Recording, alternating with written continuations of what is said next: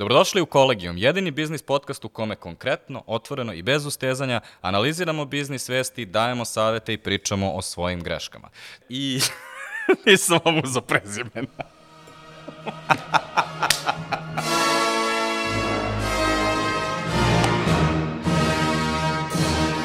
Sa nama su danas na kolegijumu Nemanja Čedomirović, osnivač i direktor firme Growit, jedine firme u Srbiji koja se bavi isključivo agile consultingom i implementacijom agile metodologije i velika novost u odnosu na prethodni kolegijum, čovjek koji je postao tata. Je.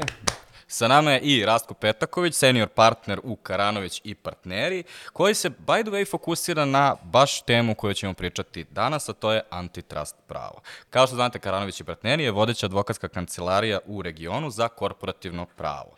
A takođe, čovjek čiji je podcast propao, pa je došao u naš Fair. Sa nama je takođe i Mihajlo Gajić, predsednik Libeka. Libek je nevladina organizacija koja zagovara libertarijanske ideje i takođe čovjek koji je u srednjoj školi imao dugačku kosu, kao i ja. Ja sam Goran Jankulovski, osnivač i generalni menadžer kreativne agencije Žiška, agencija koja se fokusira na branding, kreativne koncepte digitalne strategije i integrisane komunikacije, čovjek koji posle sedam godina svoje karijere i dalje mora da čita sa papira čime se bavi. Drugovi, dobrodošli na Kolegium podcast. Današnja tema nam je da li su Google i Amazon monopoli, odnosno konkretno američki Department of Justice, što je neki pandan Ministarstvu pravde, trenutno tuži Google i Amazon u odvojenim slučajevima za antitrust. Rasko objasni ljudima kako se tretira monopol. Ka, šta je monopol tačno? Ili antitrust i monopol ista stvar? Antitrust e, regulativa i monopolska regulativa su ista stvar, a da li je isto? Pa nije i jeste. Antitrust se zove zato što kada je donet prvi e, zakon protiv monopola, monopoli su se organizovali u trustove, pa se zato zove antitrust. Ali ako sklonimo to po strani, e, zašto, zašto se regulišu monopoli? Pa opet različit je odgovor. Postoje dve osnovne grane antimonopolskog ili zakonodavstva koje se bavi konkurencijom. Jedna grana, grana je američka, druga je evropska. U Evropi teorija kaže mi štitimo konkurenciju zato da bi sutra iznikao novi Google i pobedio stari Google. U Americi kažu mi štitimo konkurenciju zato da bi potrošaču bilo bolje. To su dva potpuno različite ideološka pristupa ovoj regulativi. U, u oba slučaja Google je interesantan akter zato što U Evropskoj uniji su postojala tri slučaja protiv Google-a, sad postoji četvrti. I sad zašto je, ako je pitanje zašto je Sundar uh, izašao uh, haotično sa nekog sastanka, a sa nekog nije, zato što u Evropskoj uniji ako su dobili rekordne kazne, te kazne su negde oko 8 miliona evra sve zajedno.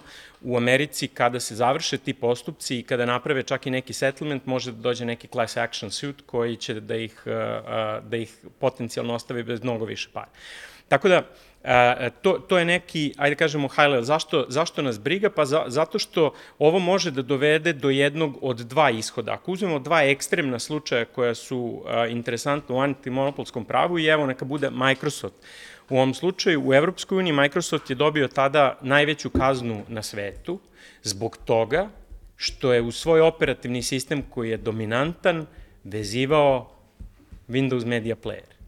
Dakle, naj, meni to iz ove, iz ove perspektive deluje kao potpuno banalna stvar. A, u Americi je Microsoft setlovao svoj slučaj zbog toga što je vezivao svoj brauzer za operativni sistem i kao posledice tog slučaja pojavio se nekakav Chrome, Safari i tako dalje.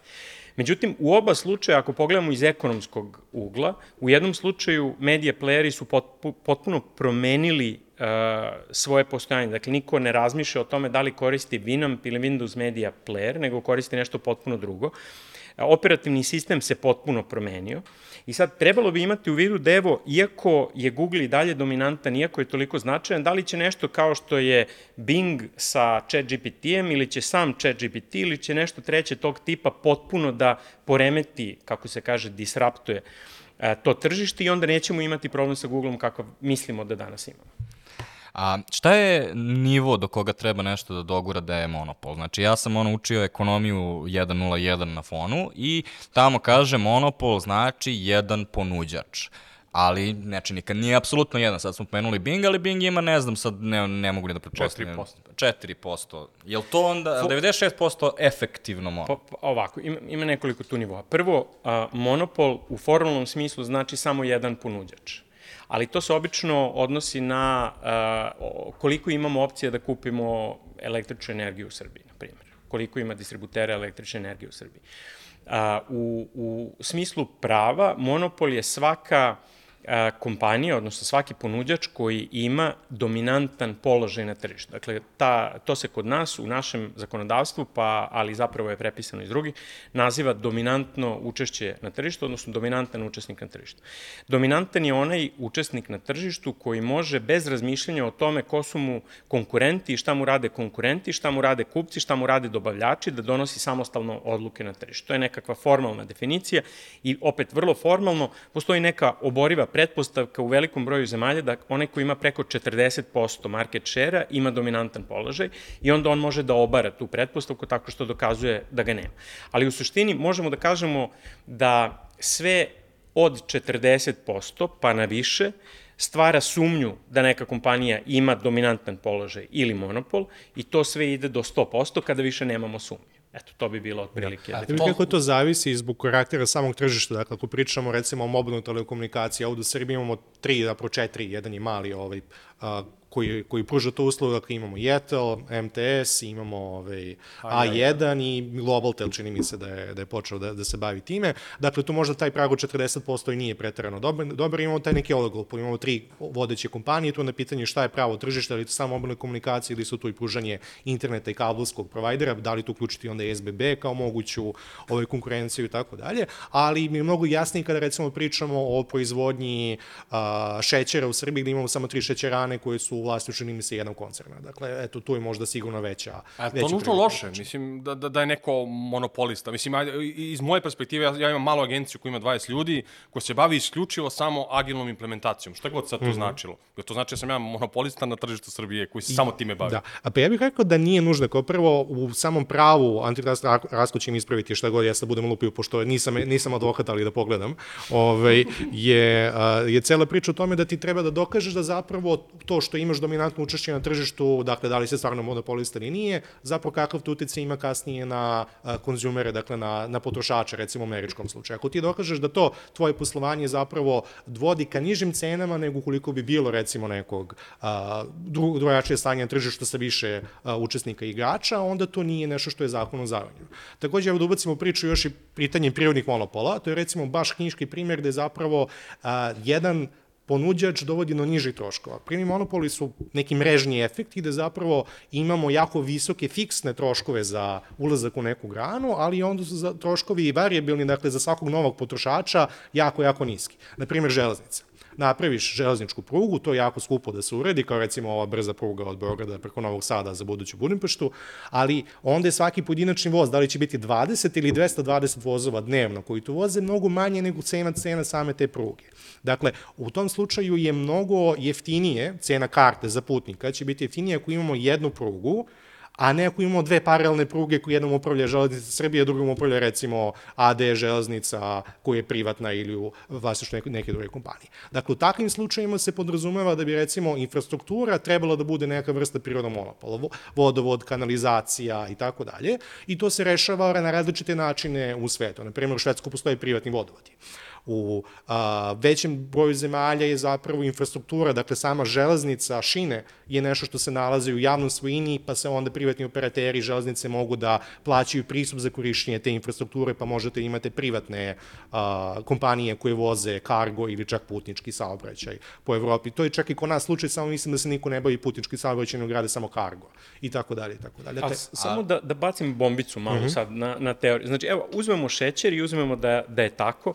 A, ekonomska teorija nam govori mnogo, pravo nam govori mnogo.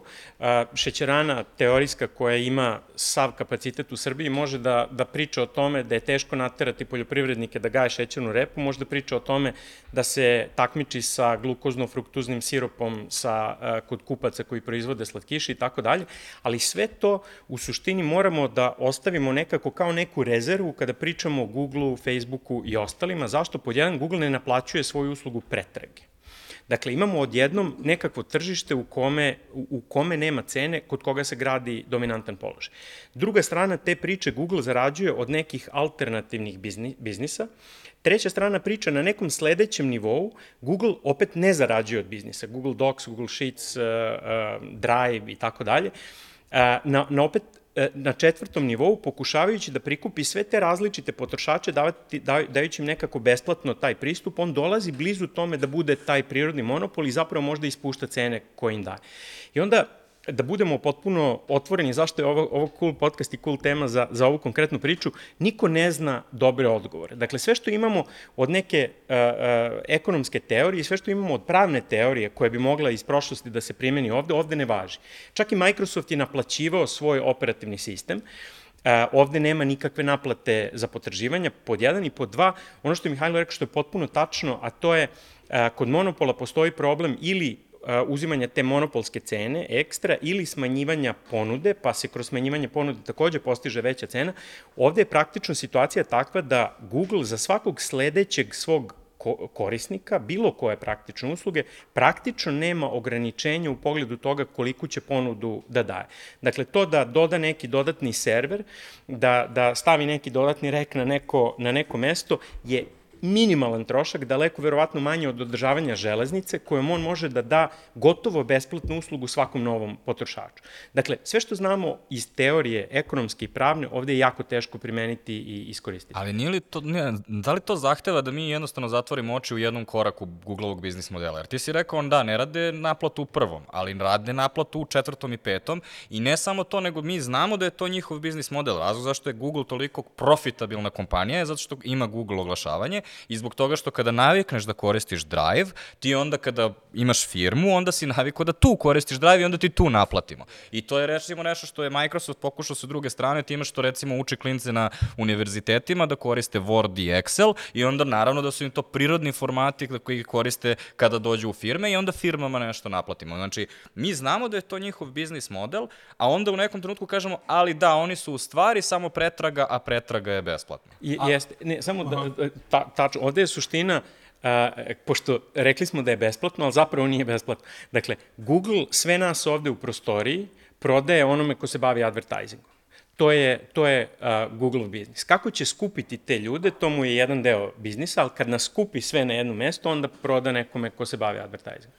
Mislim, ajde, meni je to okej, okay, ali pričat ćemo, pričat ćemo o tome, ali hteo bi samo, bilo mi interesantno, kao Google ima, može da besplatno podigne novi server, ili tako, da skupi nove korisnike, ajde samo da pogledamo iz ugla Google-a, nasuprot Google imamo Microsoft, koji isto tako daje besplatno određene servise da bi došlo nekih korisnika, ali tako, a, ali i Microsoft isto ima search, kao i Google, a Microsoft je pet puta profitabilniji od, od Google ili više, no ona je multitrilion dolar kompanija, Google je multibilion dolar kompanija, dakle mnogo više para ima Microsoft od Google-a, a i dalje Microsoft nema search engine kako ima Google i dalje koristimo Google.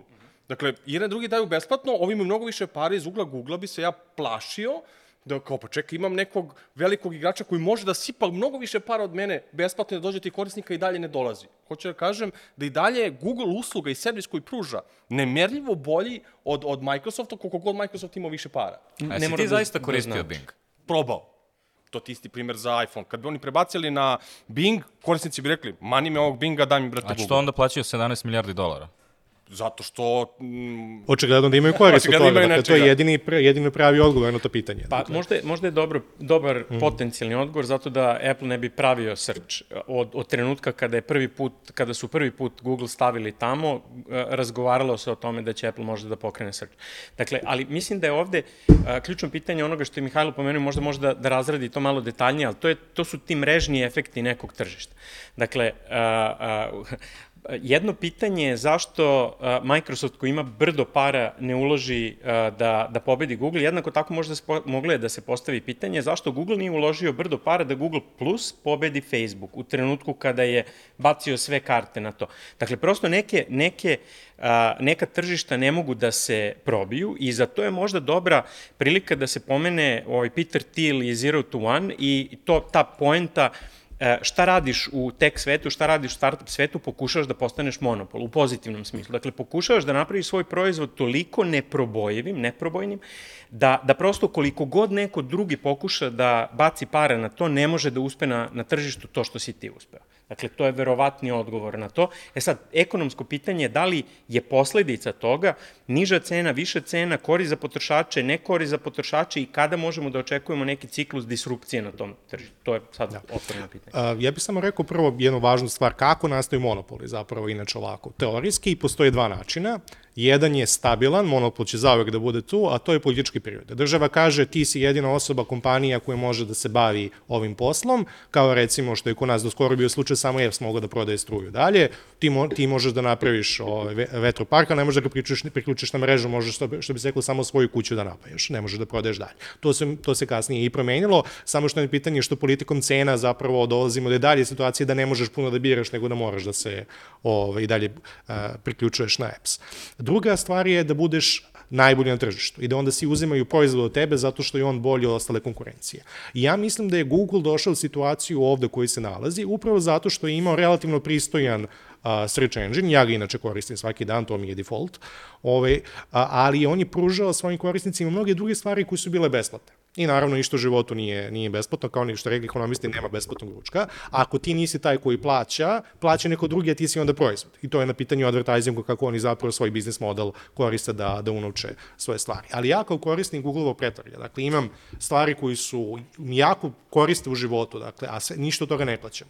Od Google Maila, Google Drive-a, do Google Mapa koji sam koristio da bih došao i našao ovu kancelariju adresu danas i tako dalje. Ja ništa toga nisam platio upravo zato što postoji Google koji je tako veliki i uspešan, a on je takav da bi privukao mene i zato mi daje ove servise potpunosti besplatno. Dakle, zato mi treba da razmišljamo i u toj strani, dakle, šta je korist potrošača ali u kom trenutku? Zbog toga što, evo, pomenuo si Google mape. Google mape imaju ograničenje od 3000 poziva dnevno. Što znači da u trenutku kada ti recimo ovaj, imaš banku i želiš da instaliraš onu lepu mapicu da ti su ti svi uh, ATM-ovi, ti tada moraš da platiš Google. Zbog toga što je postojalo nešto što se zvalo Open Maps, uh mhm. -huh. ali to nije dovoljno dobro iz razloga što je Google sipao toliko para u to.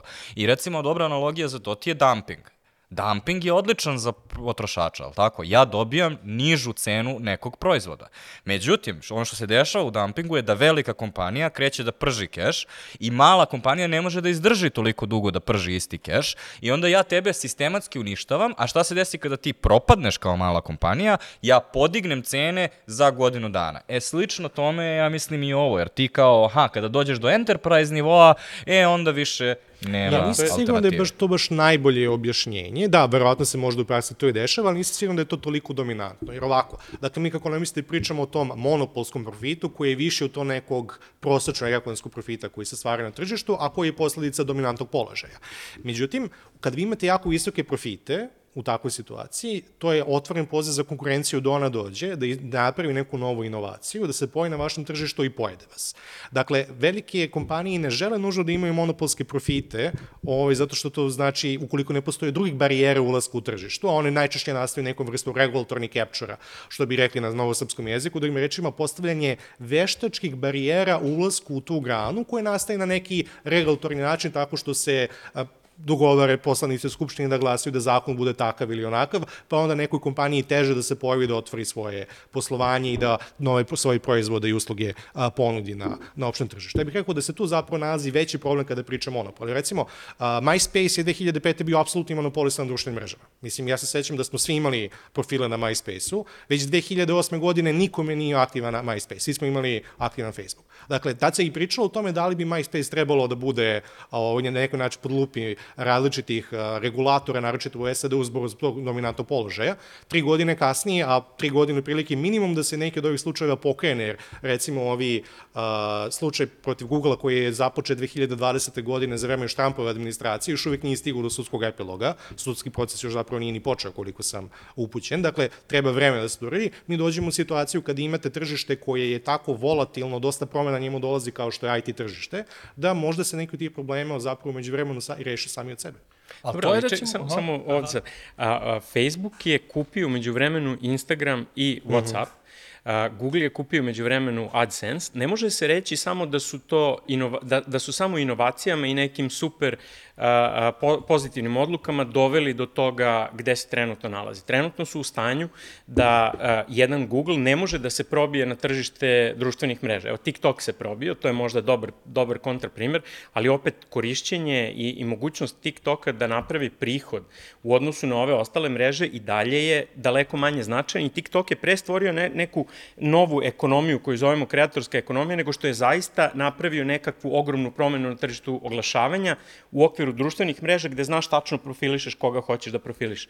Tako da mislim da ovde govorimo o tom tema predatory pricing, jer to je ovde suština. Jedini korak dalje od toga da se daje besplatno je da se plaća korisnicima da koriste uh, neki servis, a ja mogu, mislim da ovde čak može da se napravi case da Google čak i plaća korisnicima da koriste Plaća search. kroz Google, kroz YouTube. Tako što, pa dobro, ali ne, ne, ali kažem, daje im besplatan YouTube, daje im besplatan Drive, daje im besplatan mail, sve to da bi dalje koristili, uh, da bi koristili Gmail. Uh, daje besplatan operativni sistem proizvođačima telefona da bi koristili njega kao defaultni pretraživač, jedino što plaća to još i za iPhone da mora da se, da se koristi. Dakle, ovde možemo da govorimo zaista o nekim obrisima ponašanja koje bih ja pre nego monopolsko nazvao neko big tech ponašanje. Mislim da je tu dobro da napravimo možda razliku, jer kažem, sve što ubacimo iz nekih starijih teorija i starijih slučajeva, čini mi se ovde pada na tom testu gde zapravo ono što nam se dešava to je da imamo jedno novo big tech tržište na, sa Amazonom koji je ogroman u logistici, pretrazi,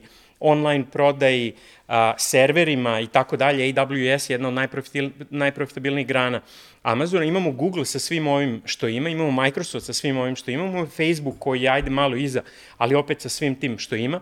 Ja bih možda čak izdvojio uh, Apple iz, iz, iz te priče, mada mislim da o njemu može da se govori opet u nekom drugom tržištu i nekom drugom kontekstu, ali čini mi se da taj konglomeratski potencijal koji je stvoren kod, ovih, uh, kod ove četiri kompanije zapravo ne postoji ništa sa čim to možemo da, da uporedimo i gde možemo da primenimo neke stare a, metodologije i teorije. Ja mislim ja. da je najveća razlika u tome koliko se lako skrene u drugu industriju. Jer, na primjer, ne znam da li se sećate, ali početkom ono, proleća je išla priča kako je TikTok za Gen Z postao novi Google pošto je Google postao toliko zagrušen SEO-om, onda više niko od ovaj, klinaca ne googla, nego kada treba da idu negde recimo na odmor, oni potraže na TikToku i tamo dobiju video. Evo top 5 stvari koje želiš da vidiš u Buenos Airesu, na primjer ja se pitam koliko je, pošto znamo da velike kompanije to često rade, koliko je u stvari Google to plasirao namerno da bi mogao posle na ovom suđenju da tvrdi, a znate, nama je TikTok u stvari konkurent. Jer kada se tako ponašaš, kao što si ti rekao, to big tech ponašanje, onda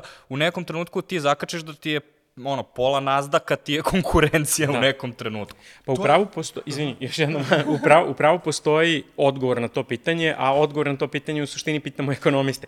Odgovor na to pitanje definiše se ono što se zove relevantno tržište proizvodi i relevantno geografsko tržište i postoje neki principi po kojima se definiše šta je releva, relevantan, kako se kaže, catchment za ono što se zove product market i šta je relevantan catchment za ono što se zove geografsko tržište.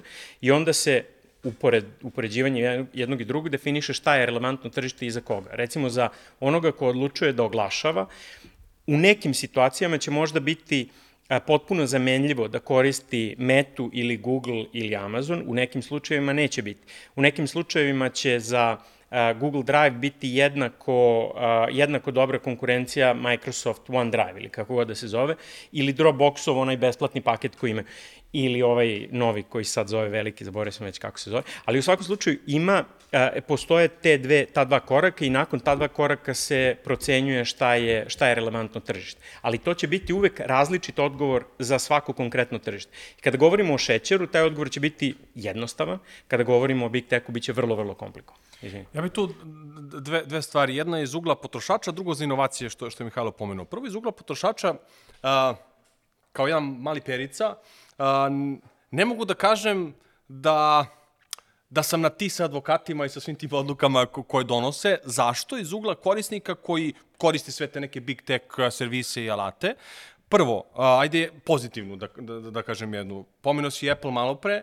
A, Apple su, ajde manje više naredili, jel tako, kroz a, sve te neke tužbe ili kako se sve to zovu, zovu pravno, regulativno, a, da više ne mogu da koriste svoj kabel za punjenje, nego svi moraju da, svi telefoni i uređaji moraju da imaju USB-C to iz ugla mene kao korisnika jako cool, zato što više ne moram da razmišljam, ja dođem kod Gorana, brate, ali imaš iPhone, nema on koristi Android, jebi ga, šta će ono, čovjek iz marketičke agencije koristi Android, ali ja ne mogu da punim svoj, svoj iPhone. Sada ne, USB-C i on i ja imamo, svi možemo da punimo, super, ekstra, to je super za mene. Šta nije super? Kad, recimo, ako koristim Android, a ne koristim, ali da koristim Android, naređeno je tako Androidu da ne sme u svoj Android uređaj da stavi Chrome kao defaultni pre, podrazumevani pretraživač, nego mora da ponudi korisniku, e, instalirao si telefon, logujem se, biraj koji ćeš sad pretraživač da koristiš. Dakle, on mene kao korisnika tera da imam ekstra korak da sad odaberem pa da skinem neki drugi pretraživač, umesto da mi je dao odmah Chrome, jer sam ja kupio Android uređaj da bi koristio Chrome pretraživač, a ne da koristim ne, zna, ne znam koji. Tako da postoje puno stvari koje se donesu, da kažem, na tom velikom nivou, koje utiču na mene kao krajnje korisnika da ja ili imam više koraka, ili mi bude život komplikovaniji, ili moram da klikćem po neke različite reklame, setimo se samo GDPR-a, to je doneto iz ugla regulative, gde ja moram da klikćem na neke konsentove i tako dalje. Sve to mene kao korisnika tera da ja se mučim umesto da ja otvorim telefon i da to sve radi, a ne ja sad moram da klikćem po različite Zato što su pop-upovi i tako dalje. eksternalije tvoje, o, tvoje ovaj, odluke dosta velike. To ti je ne, do, dosta slično kao glasanje, recimo. Kao,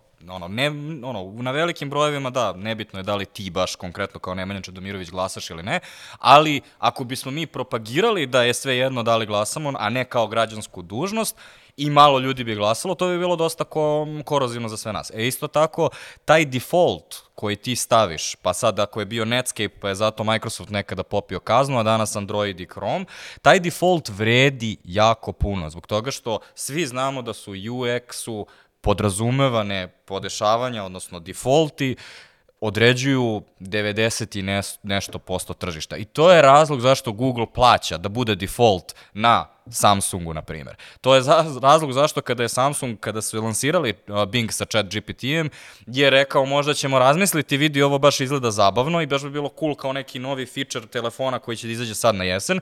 I šta je bilo? Google je odmah bio u fazonu, ne, ne, ne, ne, ne, ne, čekaj da vrati se, imamo ugovor i tako dalje i tako dalje. Znači, Vrednost defaulta, znamo tačno koliko je, 17 milijardi dolara godišnje samo za iPhone korisnike, zbog toga što znamo koliko Google plaća. Vredi sigurno i meni bi to bilo potpuno ok, taj slučaj da, da meni kaže Google ili Microsoft, e ti samo to možeš da koristiš i ništa drugo. Ali ok, defaultno je Chrome, ja ako mi se ne sviđa, a, delete, install nešto drugo i radit ću. Ali ne moram zato što radi nešto što radi dobro ali, ok, mo, mo, mogu da razumem zašto je to bitno i koliko je skupo, samo iz meni kao korisnika, daj, brate, nemoj me smarati time, pusti me da radim to što... Ja bih se vratio na ovo pitanje koje ste pomenuo izborima, to čini mi se dobra, dobra ideja za, za jednu drugu temu, a to je zapravo da a, dolaženje do različitih informacija zapravo košta. Košta naše vreme, košta napore i tako dalje. Ti se postavi pitanje da li si testirao Bing. Je li tako?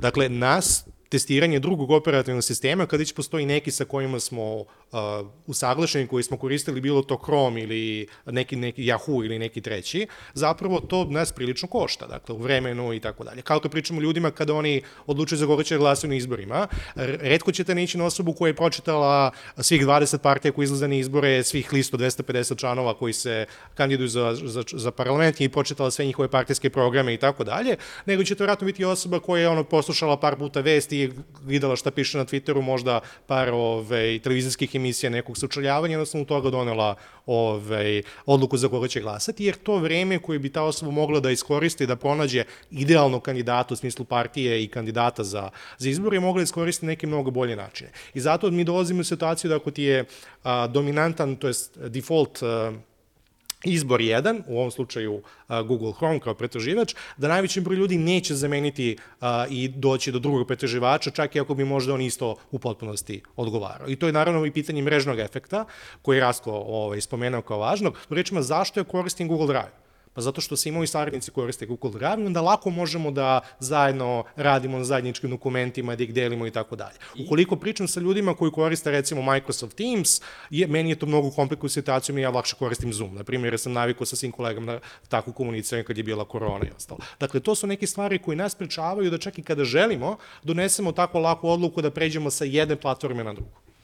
I takođe koristiš Gmail i zbog toga ti je bilo mnogo lakše da se uloguješ i negde tamo na, na, ono, je mnogo lakše povezivanje sa Gmailom i G-Drive-om i ti već, već si u tom ekosistemu i onda samo klikneš jednu dodatnu ikonicu. Ali evo sad želim da vas premestim na sledeću, ovaj, sledeće pitanje. Ajde da ovaj, presečemo onda. Da li vi verujete da neki sledeći konkurent, recimo Bing i ChatGPT, ima zaista šanse? Rastko. Apsolutno da ima.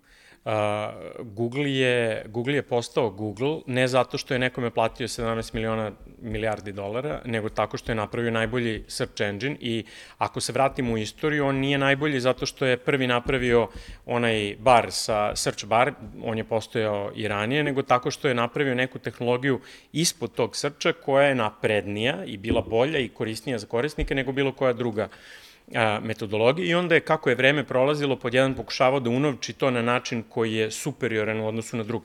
Mislim, naj, najzanimljivija stvar koja meni postoji u Google priči neposredno pre nego što je Google postao dominantan ili probio se u, u to u, u teren gde ima šansu da postane dominantan je u situaciji kada imamo uh, Yahoo sa kategorijama i uh, pretragom na taj način i Google koji napravi crawler koji je ušao i išao od linka do linka. Dakle, Google je mogao za, ne znam, 24 sata da ima sve funkcionalnosti koje ima Yahoo na manje klikova, u roku od, kažem, 24 sata. I svaki na, naredni dan on je uvećavao svoju prednost tako što je imao najveću moguću bazu svih mogućih sajtova u tom trenutku. Dakle, pitanje je da, šta će sad da uradi, na primjer, ChatGPT. ChatGPT je e, ušao na, na to tržište u trenutku kada je, ispostavit će se, Google već imao izuzetno napredan proizvod. Zašto ga nije plasirao? Zato što se možda plašio da njihov taj Bard search ili kako god ne pojede Google search koji je ogroman, uh, uh, ogroman priliv novca. Tako da, po meni, ta, kako bih rekao, inertnost kompanija kada dođu u situaciju da zarađuju pare, da ovaj muzu zlatnu kravu ili dobijaju zlatne jaja od kokoške, u tom trenutku one postanu, kako se kaže, complacent, prestaju da gledaju šta se dešava na tržištu i to je sjajna prilika da neko što je, kao što je OpenAI, ChatGPT, kako god, i Microsoft zajedno sa njim uleti na to tržište i rastera sve.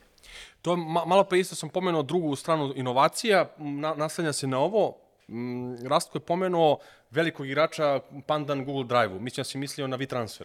Da. A, znači, šta hoću da kažem? Ako sam ja neka mala kompanija koju smo pričali malo pre, pa me pojede veliki, pa nemoj odmah da napadnem Google Drive veliki. Ajde da napadnem nišu Google Drive-a koju ne pokriva, što je WeTransfer to lepo video, e, velike fajlove teško se šalju, skupo je na Google Drive-u, ajde da ponudim korisnicima taj deo, pa ću da zaradim na neki drugi način.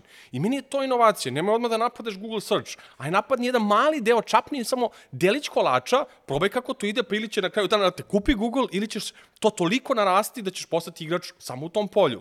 Dakle, inovacija ne mora nužno da bude, gađam Lupiću, ajde, pravim novi Bing. Pa, pa ne može novi Bing, ali da vidim deo Binga šta mogu da napravim poput chat GPT-a, pa da kroz to ja zapravo dođem do nekog dela. Ovo je super, pošto je ovo Blue Ocean Strategy knjiga u, u dve rečenice, ono, okay. sjajno. A i Zoom da. koji si pomenuo je upravo to. Dakle, mi pro, pre, preleteli smo preko Zooma bez konstatacije da Zoom nije deo ni jedne big tech platforme. Dakle, pokidao je uprkos tome što postoji Tako Google je. Meet, FaceTime, uh, Teams i, i, i razne druge opcije. Webex, ako ga se iko se. Ali koliko je, koliki je bar za uspeh jednog Zooma, a da. koliki je bar za uspeh jednog da. um, team, Teamsa, koji je u bandlu zajedno da. sa svim već dobro da. etabliranim da. proizvodima. Sad ću da budem đavoli advokat protiv sebe. Potpuno se slažem.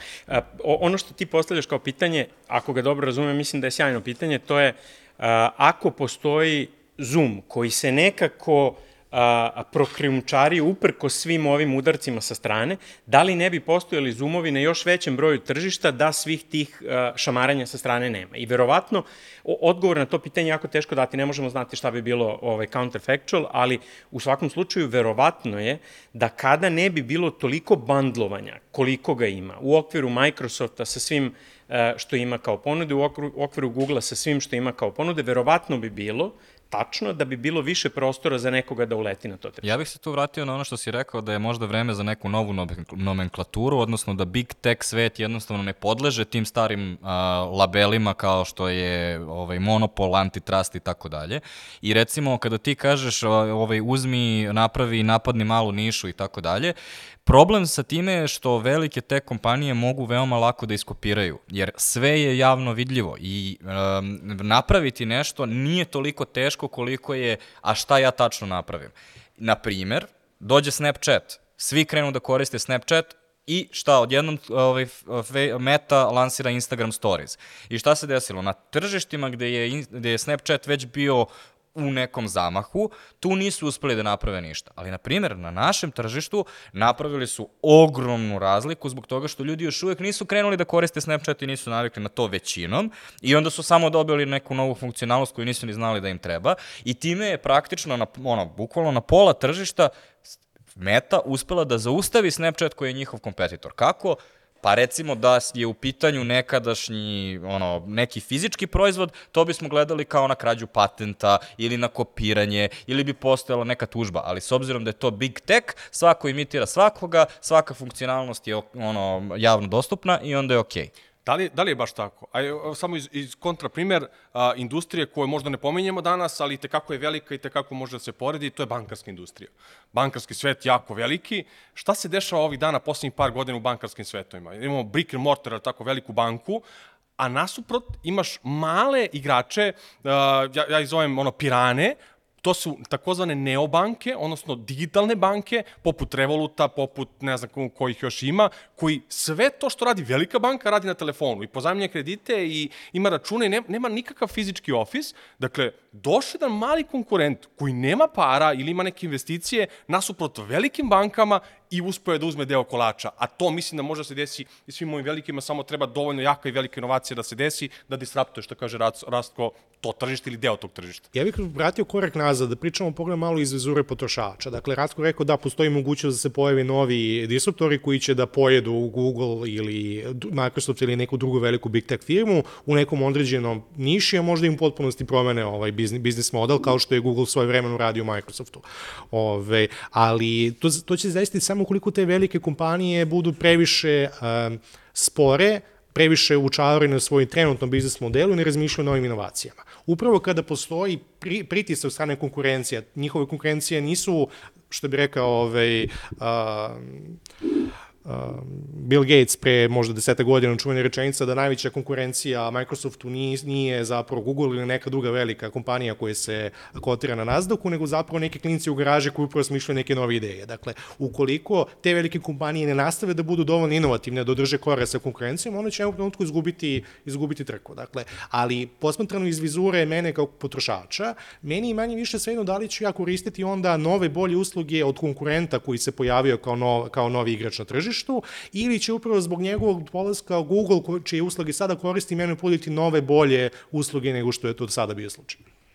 Ovde moramo da se vratimo na činjenicu da su to big tech firme i jedna stvar koja je e, istina za tehnološke proizvode jeste da se oni menjaju tokom vremena. Ti si prijavljen na istu stvar, ali ona se menja. Za razliku od recimo čokolade, znači kada ono, objaviš proizvod koji je čokolada, kao ti moraš da ga ono, objaviš da menjaš recepturu ili tako nešto, a mi dobijemo samo update terms and conditions. I šta se onda dešava? Nešto što se zove enshittification cycle. Znači, kada je počinjao, Amazon je tada pokušavao da prikupi što više prodavaca i tada je sve nudio besplatno prodavcima. Onda, sledeći korak kada nabaviš prodavce jeste kako da dobaviš korisnike i onda plaćaš oglase na drugim platformama da dovučeš korisnike. Kada su na, napravili dovoljnu količinu korisnika i prodavaca, onda su do, ovaj, dodali sledeću stvar, a to je, e, sada naplaćujemo posebne listinge.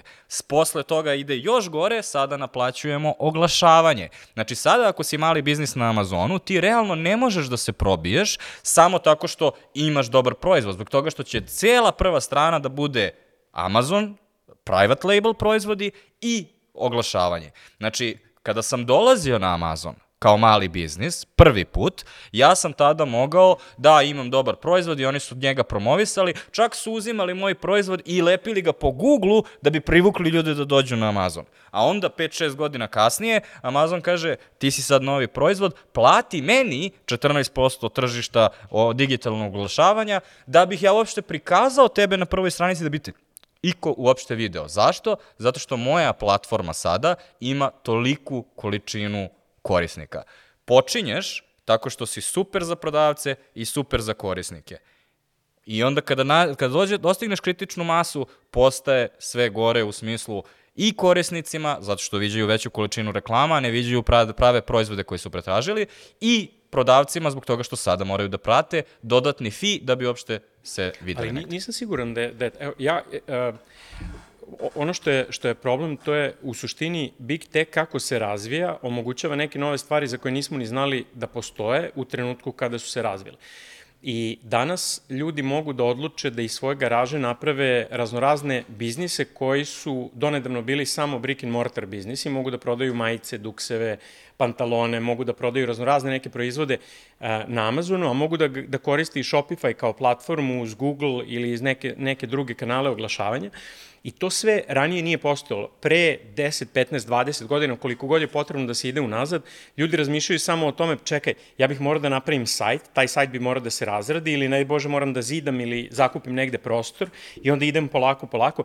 Prosto ov, ovde, ovde dolazimo do jedne situacije u kojoj je demokratizovan pristup biznisu na mnogo načina.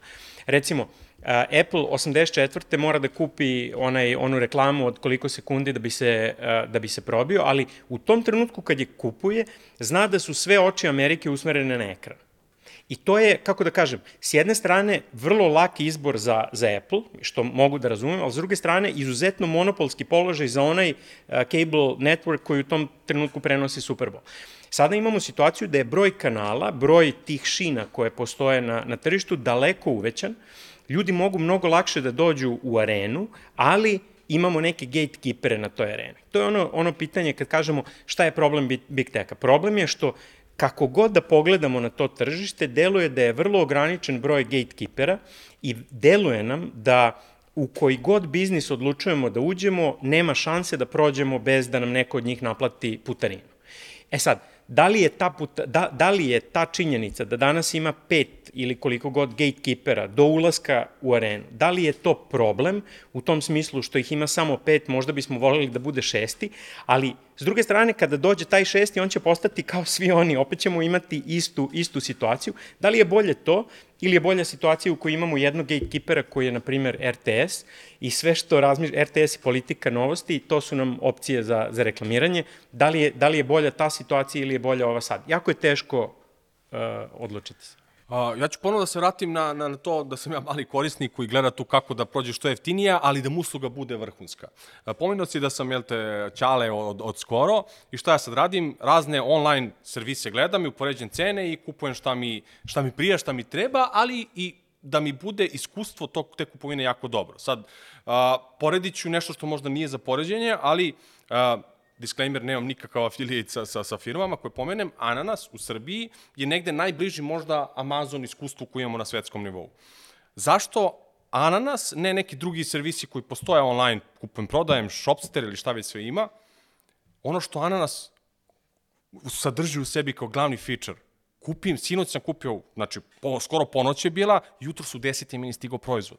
To je meni neverovatna stvar da se u Srbiji dešava. Sad, da li su oni postigli to što imaju tu inovaciju da toliko brzo dođe do mene, tu neku logistiku koju imaju, plus što sam ja to platio jeftinije nego bilo gde drugde, da li je to uslovljen neki mali proizvođač te, tog proizvoda negde pa da mora da ima najmanju cenu odnosu na bilo gde drugde. Šta god da se desilo, ja kao Perica koji ili Nemanja koji je dobio taj proizvod, ima to iskustvo, ne zanima me.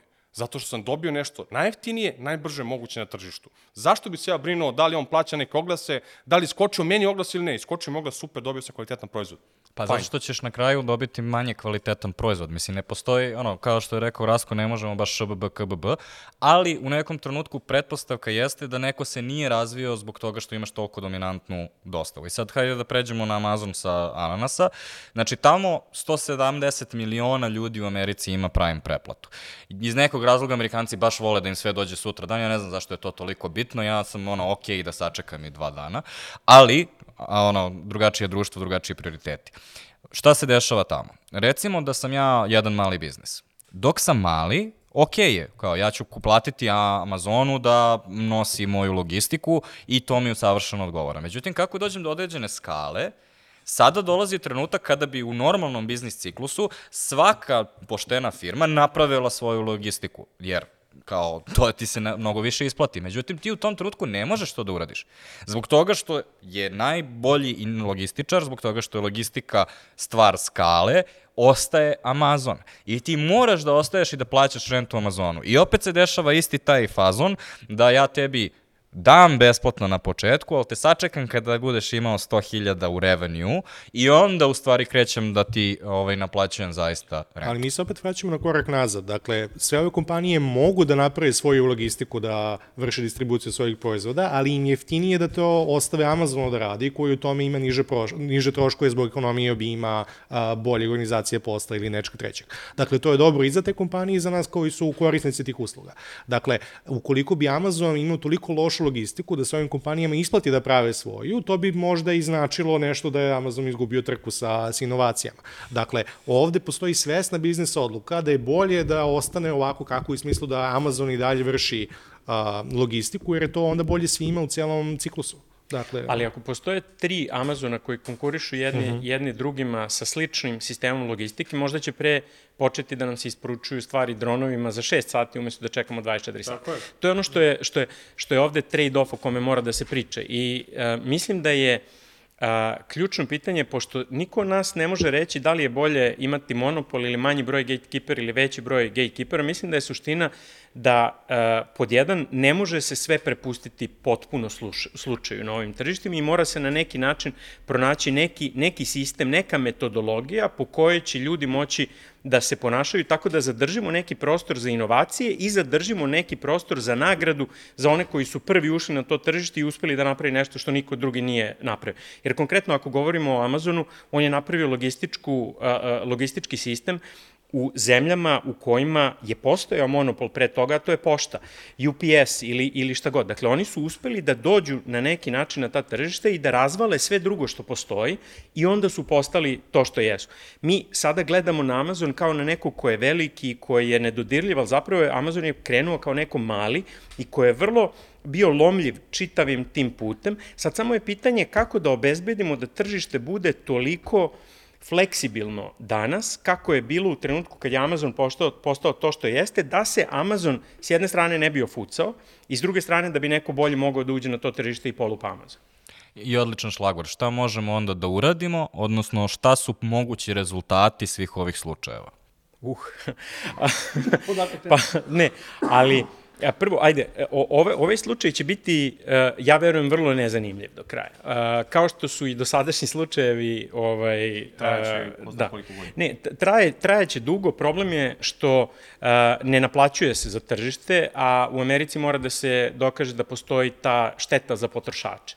Dakle, bit će jako teško pronaći pravno formalne razloge da Google bude kriv u ovom postupku, a s druge strane, ono što ja verujem Google plaši više od svega drugog u svemu ovome je reputaciona šteta. Odnosno, konkretno, nešto se vodi postupak protiv njih, nego ako neko ode na YouTube, jedna od stvari koje su meni zanimljivije na YouTube je, mogu da se vide uh, depositions, to su situacije kada DOJ ispituje Billa Gatesa o tome šta radi Microsoft kako ne treba da radi. I ja, jako je jedan izvor, onako, arhivska građa, vrlo zanimljiva razmišljanja u trenutku kada je Microsoft to što jeste i kada Bill Gates odgovara izuzetno nervozno na pitanja koja su vrlo provokativna s druge strane. Ovo je situacija kada će Google, njegovi konkurenti, njegovi kupci, dobavljači biti u poziciji da budu suprotstavljeni sa svim tim pitanjima. Šta će iz toga da izađe, to će da bude blago jedno. Jeste da je jedan deo postupka zapečaćen, ali jedan deo postupka će sigurno procuriti. Ja mislim da je to ono što, što će izaći ovde na videlo kao najzanimljiviji deo slučaja. A šta je tu meni, šta, šta me ajde, da, da li me plaši ili samo razmišljam, eto, pominjamo tu inovaciju. Sutra ja smislim vrhunski proizvod sa vrhunskom uslugom koji, koji nije mnogo skup ili nije, za, za korisnika je dobar, I šta sad ja kao mali jedan startup treba da razmišljam, pa čeke, ja ako ovo napravim i ovo uspe, to znači da ja moram da imam tim advokata, tim ne znam kojih regulativnih ljudi, regulatorskih ljudi koji će se baviti svim ovim pitanjima, jer peli kasnije mene će strefiti uh, neko, neki sud ili kako god i ispitivat me sve ove stvari, a ja samo želeo da donesem tehnološku inovaciju koja će pomoći svetu ili ljudima i tako dalje. I onda se pitam, pa dobro, što se svi ložimo onda, mislim? Ja, to nije, nije fair, da. nije fair komentar, zato što, okay. uh, uh, evo, zašto? Zato što, recimo, AdSense je izašao sa, sa nekom inovacijom, DoubleClick je izašao sa nekom inovacijom, Google, Google ima tendenciju da kupi ovaj, te inovacije.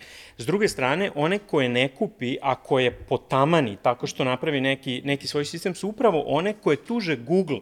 Dakle, recimo Spotify je tužio Apple. Uh, mnogo, mali oglašivači u okviru uh, nekih uh, e-commerce platformi su tužili Google pred Evropskom unijom. Sada su neki drugi manj, manje kompanije. Obično te manje kompanije pre budu te koje kako da kažem, jedna taktika je, vidim da ću propasti pa ću da tužim velikog, jedna taktika je, vidim da ću se probiti, dok se ne probijem ne treba mi advokat, iskreno, to je najčešći ovaj stav. Kad se probijem, treba će mi advokat, ali imaću dosta para da, da ga platim. I treća, treća opcija za strategiju je, postaću dovoljno veliki da me kupi neko od njih. I to su, to, je, to jeste put inovacije, jeste da izgleda kao da ima malo opcija, ali zapravo, ako pogledamo gde smo bili pre uh, eh, 15 godina, bili smo sa kako se zove, beše Nokia operativni sistem, Nokia telefoni. 3310. Jel tako? Da. To je, to je, to je postojalo pre, pre 15 godina, pojavio se nedavno Facebook, pojavio se nedavno Twitter, postojali su, dakle, pre, evo, 15 do 20 godina, otprilike imali smo svi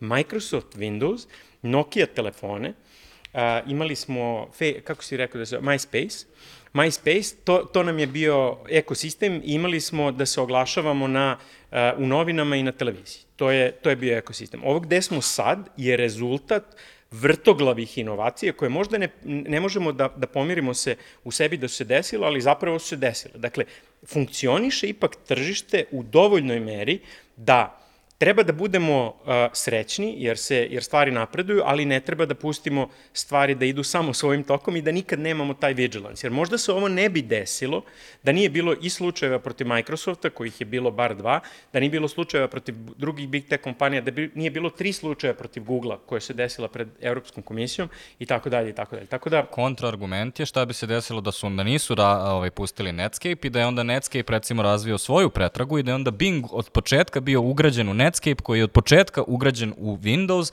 i onda bismo možda imali drugačije yes. default podešavanja. A druga stvar koja je tu dosta bitna jeste, tačno je da je prošlo dosta godina, ali takođe ovo je veoma igra velikih brojeva, u smislu ove kompanije su najprofitabilnije kompanije i najveće kompanije na svetu. Da, nismo ih imali pre 15 godina, ali možda je zavređuje našu pažnju s obzirom da ono su ne zarađuju toliko novca. Mihajlo, šta vidiš da može da se desi ovde? Šta je ono što vidiš kao potencijalni epilog ove cele priče? Pa dosta političkog kapitala je uloženo ovaj, u borbu protiv Big Tech-a u Americi, kada već pričamo o ova dva slučaja koje su ovde. Dakle, to nije samo kapital a, nove predsednice komisije ovaj, koja je neka panda naše komisije za zaštitu konkurencije, nego i tu zapravo i Biden administracija koja je direktno im dala podršku i tako dalje. Narodna demokratska, demokratska stranka u Americi, jel te imamo uskoro izbore ovaj, u novembru naredne godine, koja je deo svog imidža gradila na toj uh, a, priče da ona hoće da zaštiti malog čoveka od tih velikih big tech kompanija. Može što... jagnje, ali vidjet ćemo. Pa moguće da je to de, delimična stvar. Na, a ono što je dobra stvar je to što su uz razliku od Srbije pravosuđe u Americi ipak koliko toliko nezavisno od izvršne vlasti i postoji mnogo manje šanse političkog uticaja na njega, zato nisam siguran tačno šta će biti a, odluka koja će se doneti ovde, da, da, je, da se ovo dešava u Srbiji i mislim da bi već na televiziju napred znali ovaj, najavljeno koja će biti sudska presuda, šta bi ovaj, neko od naših vodećih čelnih ljudi institucije Srbije rekao u nekoj emisiji na dnevniku, tako da dalje ostaje otvoreno pitanje šta će biti. Naravno, bilo bi super da zaista možemo da vrlo lako nađemo tu meru koju je Rasko spominjao da ipak pustimo tržište da radi, da ono kreira inovacije, ali da opet ga ne pustimo da bude toliko slobodno da guši inovacije koje bi dolazile sa novim malim kompanijama, jer im ne bi davalo da one raste i razvijaju se da dođu do toga da oni budu izazivači u velikom big techu. Ali ja nisam siguran da znam ili da zapravo većina ili bilo ko zna ko je tačno mera i granica. Nego to neka vrsta trial and error u celog procesa, ovaj, tako da zapravo čak zavisno od toga koje je tržište u pitanju, koja je tačna mera, nekada isti koraci možda mogu da imaju i diametralno posledice. Ja sam um, prikupio neke opcije koje vidim da se diskutuju.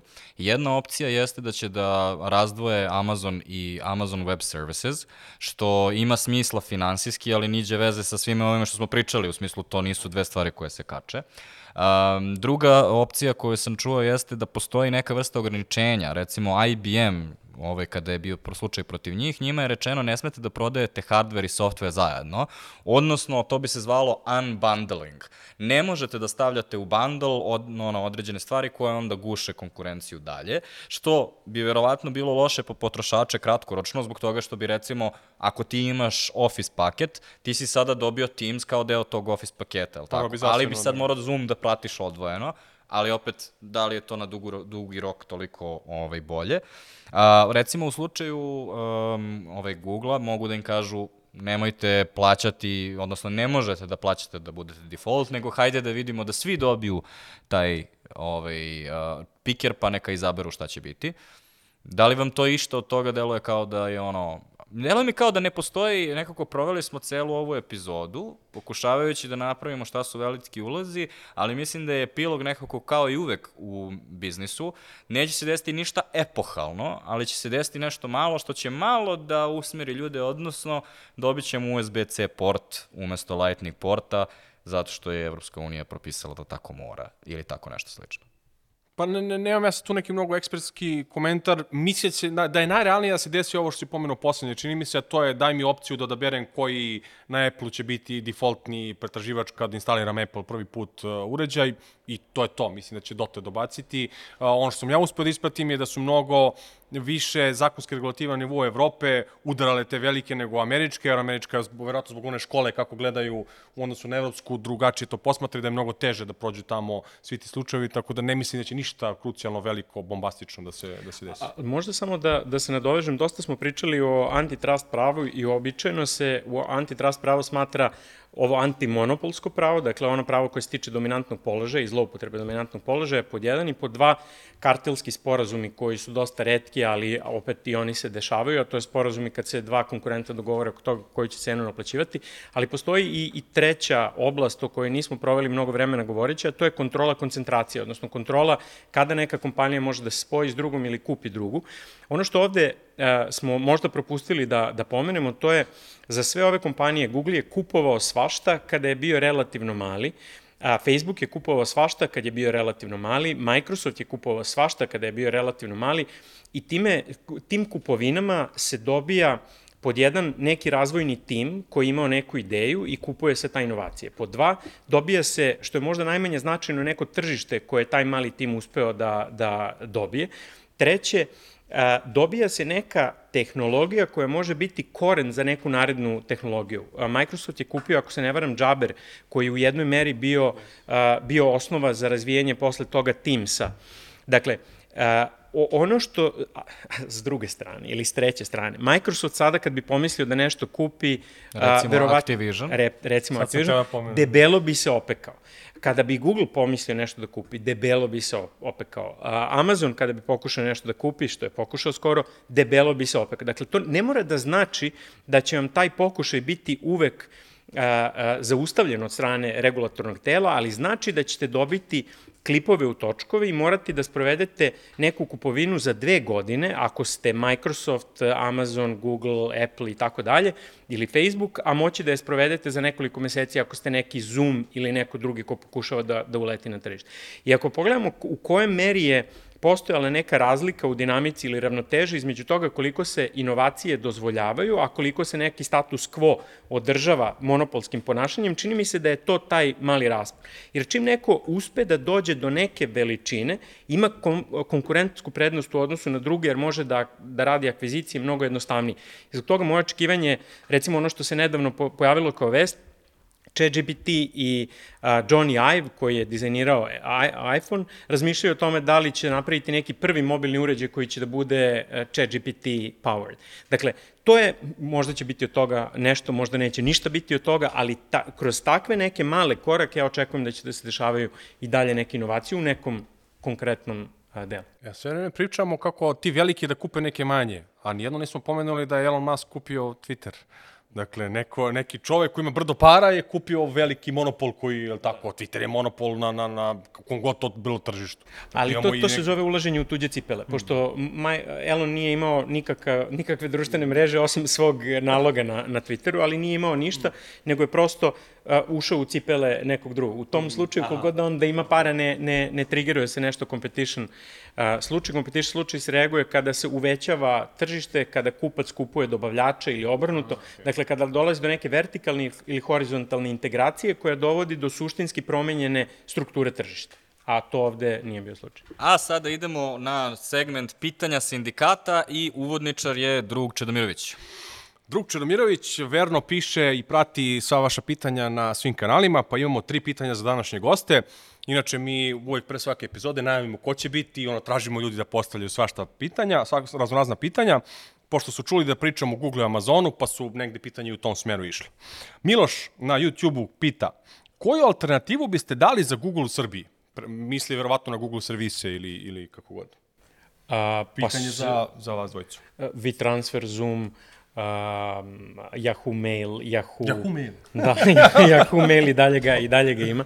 Okay. Uh, dakle, i, ima raznih alternativa. Ono što je možda bolje pitanje je, pošto Google ne naplaćuje svoje usluge krajnjim korisnicima, a, koje su alternative za one kupce Google-a koji plaćaju te servise i to su verovatno uh, Meta, TikTok, Microsoft u nekoj meri, Amazon u nekoj meri ako je relevantan, drugi, drugi neki oglašivači, dakle to je možda bolje pitanje za, za advertising, ali zapravo postoje alternative. Pravo pitanje je koji je pravi kanal za pravu uslugu koja želi da se proda ili pravi proizvod.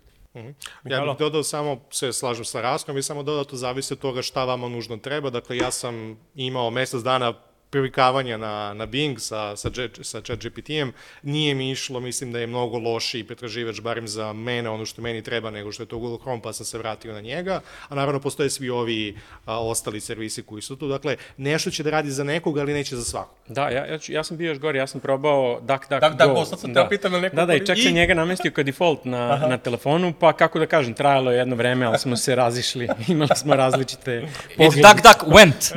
duck, duck, duck, went, da. ok, dobro. Uh, Miloše, čuo si uh, šta, šta bi mogle biti alternative za Google. Ok, Milica na LinkedInu pita, da li gosti koriste Google, Amazon i slične velike servise? Da. Da. Naravno, da. Ovo je bilo kratko, jednostavno. E, sad mislim da je ovo onako interesantno. Sad na TikToku Darko pita, da li biste radili u zlim monopol korporacijama da vam ponude posao? Ja znam da bih, kaže odmah. Pa evo, ja mogu da ponudim svoju vizuru. Znači, da li bi radio u Google ili Amazonu, zvuči kao ono, najbolji posao ikad, međutim, kada sam otvorio sobstvenu firmu, nekako ostetiš šta je razlika između malih i velikih. I nije meni problem u tome što su oni možda zli, niti zato što su monopolski, nego zato što su beskrajno inertni. Kada pogledaš Google, oni su lansirali Google Glass, Google Stadia, uložili milijarde i na kraju napustili. Google Plus, uložili milijarde i na kraju napustili ta vrsta korporativnog absurdizma u kojoj ti nešto ono razvijaš i onda na, zbog neke velike politike se to ni ne desi i tako dalje, nemaš zaista izloženost tržištu. Nekako se igraš toga. E to je ono što meni bi nedostajalo u tako nekoj velikoj korporaciji, što imaš u maloj firmi. Sa druge strane, kao što smo rekli, delimo ono, ovaj afinitet prema podršnjacima iz razloga što biti mala firma je svakog dana možeš da propadneš i ovaj, zbog toga i si toliko gladan, jel? Ali to je neki trade-off između toga da radiš u velikoj korporaciji i toga da radiš u, u nekoj maloj firmi. Ne obavez da li su zle ili to. A možda samo kontramišljenje, samo ovaj, razmišljanje. A, u, u Microsoftu su relativno mali timovi napravili a, Xbox, koji je bio uspešan proizvod.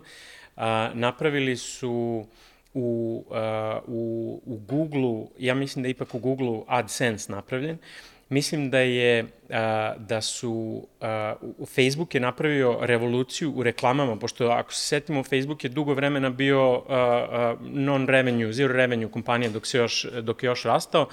A, u okviru Apple-a je bilo mnogo tih malih projekata koji su uspevali. Ja bih rekao da to zavisi i mislim da, je, da ti je poenta ovde super. Da li se igramo, znači da li smo napravili neki odvojen P&L, a, pa a, odlučili smo da, da napravimo Zune zato što nas nervira iPod i onda spektakularno propadnemo, ili možda pokušamo da napravimo nešto što, a, što uspe. Mislim da to više, mislim da je ta tvoja poenta o, o inertnosti odlična poenta. Ako bih osetio da je velika korporacija agilna, da iskoristi tebe, ako, ako je agilna, ako, je, ako se radi o nekim malim timovima koji su inovativni, u kojima se brzo donose odluke, mislim da bih. Da. naravno, što je rekao naš narod, svi ljudi imaju svoju cenu, samo što pošteni ljudi imaju poštenu cenu. Jer, dakle, nikada ne reci, nikad i ne zatvore vrata za sobom, ali naravno mislim da je pitanje toliko široko otvoreno da li bismo mi želeli da budemo dostavljači u Amazonu, pa pretpostavljam da ne. Dakle, pitanje je, dakle, koje naše se pojavi na sto, tako je. mislili, Da. da. Da, mislim da postoji ogromna razlika između recimo Mete i Google-a. CEO, po- okej da budem. Ja ne bih volio da im budem u koži iskreno. Ne, a? Ne. Ne znam. Da se tu preznojam pre nekim sudom i da da ću svaku reč da mi meri, a ja ovako laprdam. Ne, to ono... kažeš to je prošle rukovodstvo. Ne, meni je više, ovaj, šta radiš kad si sundar? Ti si više ono šef neke političke organizacije nego što si biznismen.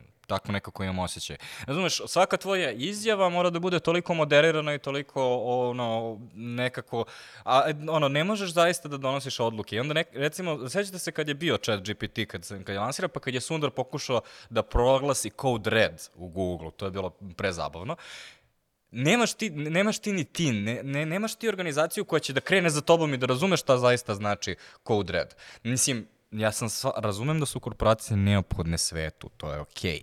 Nego samo je pitanje šta ja, ono, šta, šta bih ja želeo za sebe. Znaš, u nekom trenutku to postane neki absurdistan kada postane pre... Možda kada pređe Dunbarov broj, ono, 150 ljudi, kao kad pređe organizacija, tada je ono, A ja dobro, gubim i- interes. Imaš i Elona Maska koji je nivo Sandara Pačaja, pa drugačije potpuno vodi, ne bih rekao da vodi političku organizaciju, više neki ono rocker koji ono... Ako je pitanje okolo. da li bih ikada radio u bilo kojoj Elon Muskove kompaniji, ne. odgovor je sasigurno ne. E, vidiš, ja, ja ne znam. Možda bi pred tamo radio nego kod nekog Billa Gatesa ili Tima Cooka ili šta god. I mi se nalazimo u situaciji koja je inherenta svakoj korporaciji na svetu, to je s jedne strane njima treba inovativnost i kreiranje novih rešenja i tako da bi mogli nastave da, da posluju, razvijaju se i rade, a sa druge strane u tako velikim organizacijama upravo inovativnost i svoje sobstveno mišljenje nije nužno nešto što vam pomaže u napredovanju, nego neka vrsta konformizma i praćenje već uspostavljenih pravila i principa, jer pravila su tu upravo da bi olakšala transakcione troškove ove u okviru poslovanja same kompanije. Ma to je sve lepo i pametno. Nego Čedomiroviću, ti bi radio kod Elona Muska. Bi. Zašto?